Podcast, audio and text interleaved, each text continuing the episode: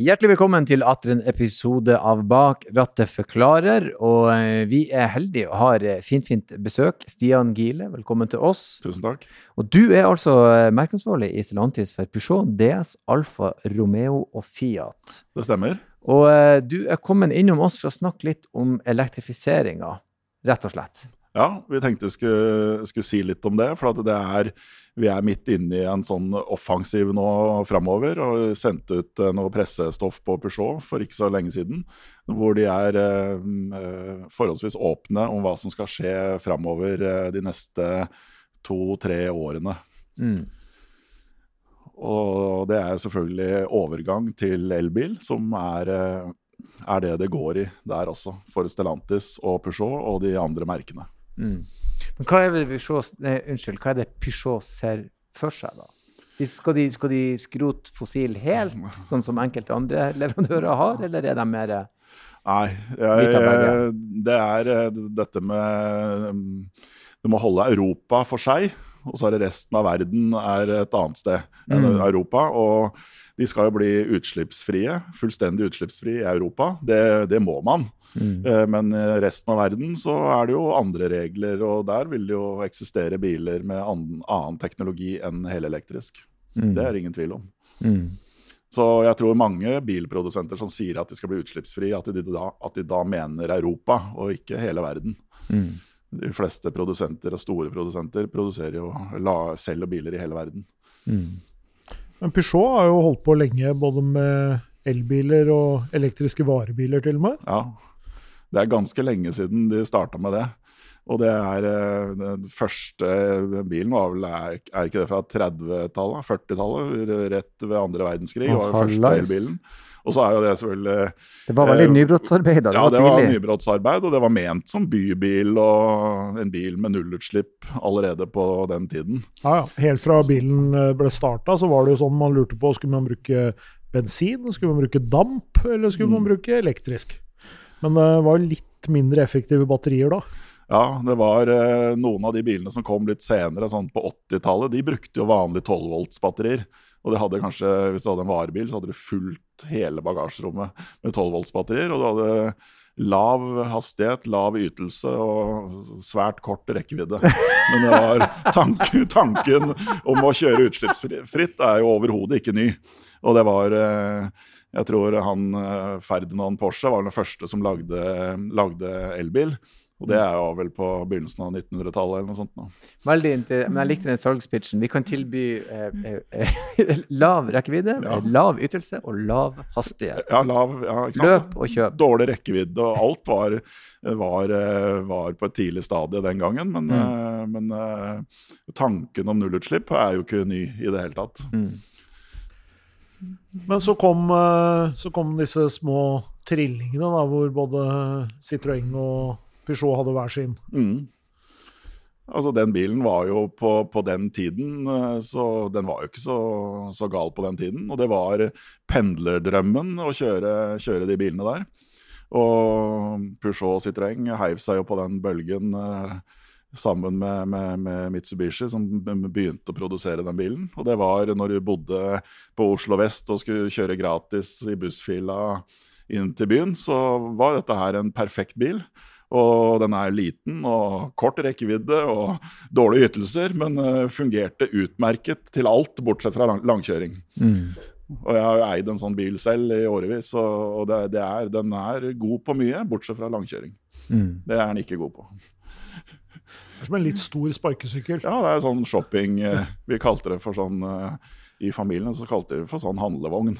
Altså og Den har mange fordeler. Den var liten, den har ekstrem svingradius, lettkjørt. Øh, så, så det, var noe, det, var ikke noe, problem å leve med den bilen. Lett å finne parkeringsplass. Ja. Tøft liv. Mm. Men øh, nå, da. Nå er det jo sånn at øh, Stellantis de skal jo kanskje gå fra å ha bygd biler som både ble bygd som fossile og elbiler, og mm. over til litt nye ting. Og det var vel det Peugeot hevda at de skulle være tidlig ute med. da. Ja, ja. og det som, er, det som, er, viktig å ha i bakhodet, det er at eh, for eh, et par år siden så var eh, Peugeot, Citroën DS det var ett selskap som het PSA. Og så var Fiat Chrysler det var et annet selskap. Og dette PSA, som da Peugeot er en del av, det, de hadde mange planer om elektrifisering og elbiler. Og så dukket det opp da et fusjonsarbeid med Fiat Chrysler som gjorde at eh, alle kjente planer ble lagt på is, og at det ble lagt nye planer. Og Stellantis har nok tapt et år eller to, minst, på, på den fusjonen når det gjelder eh, når det gjelder å levere nullutslippsbiler eh, på markedet. Det er det ikke noe tvil om. Så, mm, men nå er det full fart igjen, og da er det med alle merkene i Stellantis helt ifra fra Lancia og Fiat og opp til Maserati og Ram og Dodge og biler for hele verden. Og da snakker man om eh, det som, eh, det som heter plattformer. Mm. Hva er en plattform egentlig? Ja, Et godt spørsmål. Det kan hende at det er et marketinguttrykk, men eh, det er jo, det er jo en sånn det er en grunnplate for, eh, for, en bilmodell som inneholder, for en elbils del, altså inneholder den motoren og hjuloppheng og batteripakka, kanskje. Men den kan ha forskjellig akselavstand og forskjellig høyde eh, på samme plattform. Men eh, Stellantis har jo lagd fire plattformer. Som de heter STLA for Stella. Og så er det da small, medium, large og frame. Og da type small, det er jo da type biler som Altså Europas mest solgte bil, Peugeot 208, det er jo da en type small, sammen med Opel Corsa eh, f.eks. Og så har du en medium-bil. Det vil jo være en bil som eh, Peugeot 3008, 5008, C5 Aircross, sånne type biler. Og så er det large, som vil kanskje være DS, Alfa Romeo, Maserati, de bilene. Og Frame, det er, det er Ram pickup. Amerikansk elektrisk pickup som kommer neste år. Og Jeep. Ja, Jeep, kanskje. Det veit du best, Stein, hva Jeep kommer med.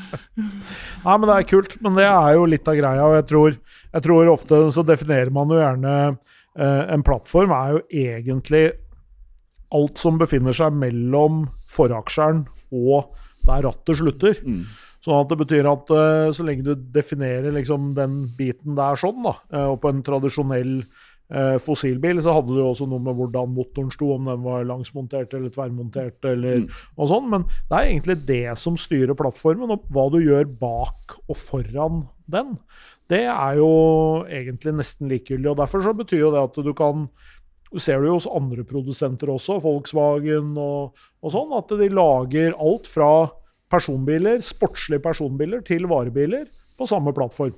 Og Det samme ser vi jo nå at uh, Stellantis og vi ser jo andre merker som gjør det også. Det er jo, det da, og den der med effektivisere uh, en plattform, det er jo ekstremt viktig. Ja, og også lage flest mulig bilmodeller, merker og bilmodeller på samme, samme plattform, samme understell, som, eller utgangspunkt. Det er jo voldsomt besparende kostnadsmessig, og det letter produksjonsmuligheten. og for hvis du har fire, fem, seks bilmodeller da, som kommer med samme elmotor og samme batteri, så er det veldig enkelt, å, i mitt hode i hvert fall, å justere produksjonen altså, mot den modellen som selger best, og, og da fjerne f.eks. fra de som selger mindre. da.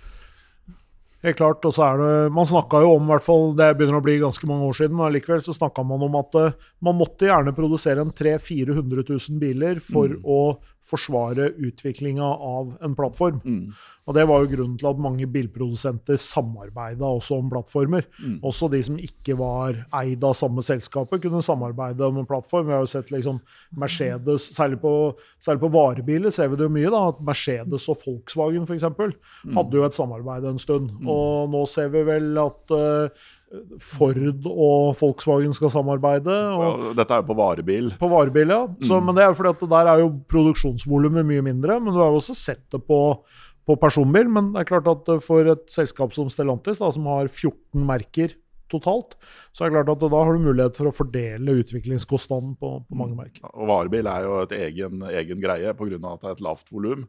Men sånn som eh, Stellantis lager jo eh, varebiler for egne merker. da, altså Peugeot, eh, Citroën, eh, Fiat, Opel, eh, i all hovedsak. Og så har de da Vauxhall for eh, britisk marked, og så lager de også Toyota sine varebiler.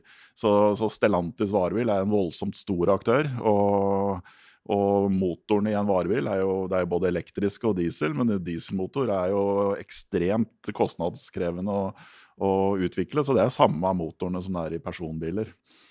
Uh, men uh, når det gjelder uh, andre typer samarbeid som kanskje er litt snålere, da, som kanskje litt vanskeligere å forstå, det er at sånn som små sportsbilprodusenter, de klarer jo ikke lenger å lage motor selv som tilfredsstiller utslippskrav. Så sånn som Aston Martin, som ikke har noe med Mercedes å gjøre, de får jo motorer fra Mercedes til sine biler. Hmm. Så, så det, det, er mange sånne ting som, eh, som, eh, som skapes av strenge utslippskrav og av kostnader og, og osv. Men jeg håper å si som en sånn der, eh, for et bil, Det er to ting som når du forteller som jeg tenker. Det første er jo at terskelen for å kjøpe lavbil, unnskyld, for å kjøpe elbil må bli mm. lavere, siden flere nå lager flere alternativ. Så ja, ja. noe har jo skjedd med folket her. Ja, altså sånn eh, Elbiler har jo blitt Det kommer jo nye elbiler hele tiden. Altså Elbiler er jo veldig, veldig har jo blitt veldig veldig bra. Og sånn i mitt hue så syns jeg at uh, det er jo veldig fokus på hvor dårlige elbiler er når det kommer til rekkevidde og sånn. Jeg syns elbiler er helt topp. Ladestasjoner er overalt. Og hvis, uh, hvis man skal uh, øke bestanden og salg av elbil, så må man snakke elbil opp og ikke ned. Det er veldig mye fokus på hvor, hvor dårlig de er på vinterstid, f.eks. på rekkevidde og sånn. Og det, det ser ingen grunn til å snakke de ned. Jeg jo, har kjørt elbil selv, både biler med og uten lang rekkevidde. Og det er jo ladere overalt. Mm. Så, og du skal ikke kjøre bil mer enn to timer. Da anbefaler jo de fleste deg pause. Det får du opp en sånn melding om på dashbordet. Men det er jo mange som eh, tenker at eh, det å bygge morsomme, sportslige biler, det blir helt umulig når det skal være elektrisk. Og du har jo Alfa Romeo, da, som kanskje er en av de ja. mest legendariske varemerkene innafor Det sportsbiler. Aldri vært store volum, men det er likevel veldig sånn Det er et merke som alle har et forhold til. Hvordan skal de løse dette her? Altså, Alfa Romeo er en liten nisjeprodusent fra, fra Italia. og og entusiasmen og historiske arven veier opp for, eh, for lavt salgsvolum opp gjennom åra. Og vi fikk jo Alfa Romeo til Bertel Steen med for et drøyt år siden. Og det er et fantastisk bilmerke. Og de har jo da også nå eh, starta på en strategi som heter fra null til null, eller fra from zero to zero. Og, det, og, og, fra null til null høres kanskje ikke så vanskelig ut, men det er, det er altså fra null elektrifiserte biler til null utslipp. Ah. Det er det det betyr. Så um, alle disse fantastiske motorene som, som Alfa Romeo har, de skal skrotes, og alt blir elektrisk. Hmm. På veldig kort tid. Fra 2024 så kommer det da én elektrisk ny Alfa Romeo hvert år framover.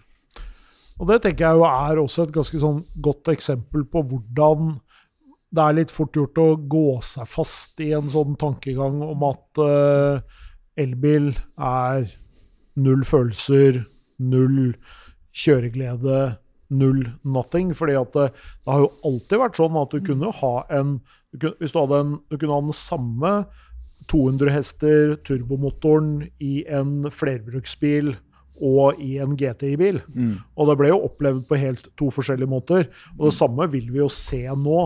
At mm. det, det handler jo ikke om handler jo ikke om drivlinje, egentlig. Det handler jo om hvordan du bygger den bilen, hvordan den ser ut, hvordan den er å kjøre.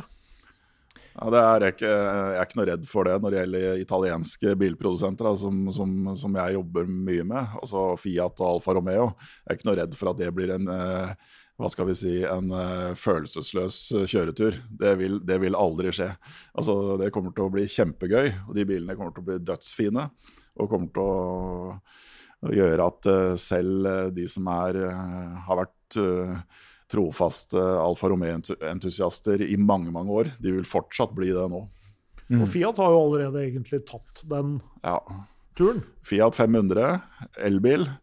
Kjempe, kjempekul bil. Kjører jo med den eh, selv. Den er, jo, den er jo ikke stor, den er ikke romslig, den har ikke, den har ikke lang rekkevidde. Den, det er mange ting som den ikke scorer på, men uh, Fiat 500 i rose gold og åpent tak, det, altså, det, det, slår ikke det, altså. Roségull, det høres gøy ut. Og det er sånn, der, sånn vi, vi, Det er ingen som ser oss, men hadde du visst hvordan gubber vi var, da, digre og gråhåra og, og, og, sånt noe, så, så, kan man bare forestille seg hvordan det ser ut i en Fiat 500. Og, og responsen fra, fra medtrafikanter og fotgjengere er uslåelig. Mm. Og vi som jobber i Bertlåsten, vi har jo tilgang til å kjøre mye rart eh, av alle slag. Og det, Fiat 500 er av det mest fantastiske som fins å kjøre rundt med i Oslo. Og blir det sånn en gang i tida at det blir kjøreforbud i Oslo for biler, så skal jeg ha unntak for Fiat 500. For at den, den er som skreddersydd for en storby. Håndvesker Uh, små hunder og Fiat 500 ja, kan fortsatt ferdes i Og litt svære ja. mannfolk. Ja. De er fremdeles lov. Ja, det, det må være lov. Så eh, si, eh, fremtida, i alle fall for å flette litt i hop igjen, mm. for Europa sin del, den både ser og er elektrisk? Ja, ja, den er det. Så mm, det er De har I EU så har de vel beslutta at det er kjøre- og salgsforbud av i hvert fall salgsforbud av fossile biler. Altså alt fossilt, hybrid, skal, er 2035. Mm. Og i Norge så har vi bestemt oss vel så smått om at vi skal være ti år bedre. da, At det er fra 1.1.2026 så er det kun elbil her også. Men Det er vel ikke, det er vel ikke helt spikra, men det er mange som tenker det, da. Og det er, jo, det er, jo, to år til, så vi har god tid til det. Spennende. Det er veldig mange lyttere som jeg tror uh, føler seg litt uh, redd akkurat det. Men uh, så du sier, det, det finnes kule ting som kommer. Trenger ikke være redd for Ingen det. grunn til å altså. være redd. Nei, nei, nei. For at det, er, eh, det fins masse fine biler i dag. Det kommer mange, mange flere. Og mm. den overgangen til elbil, hvis det blir da fra 1.1.2026, det kommer ingen til å notere seg som noen nedtur i livet, altså. Den datoen.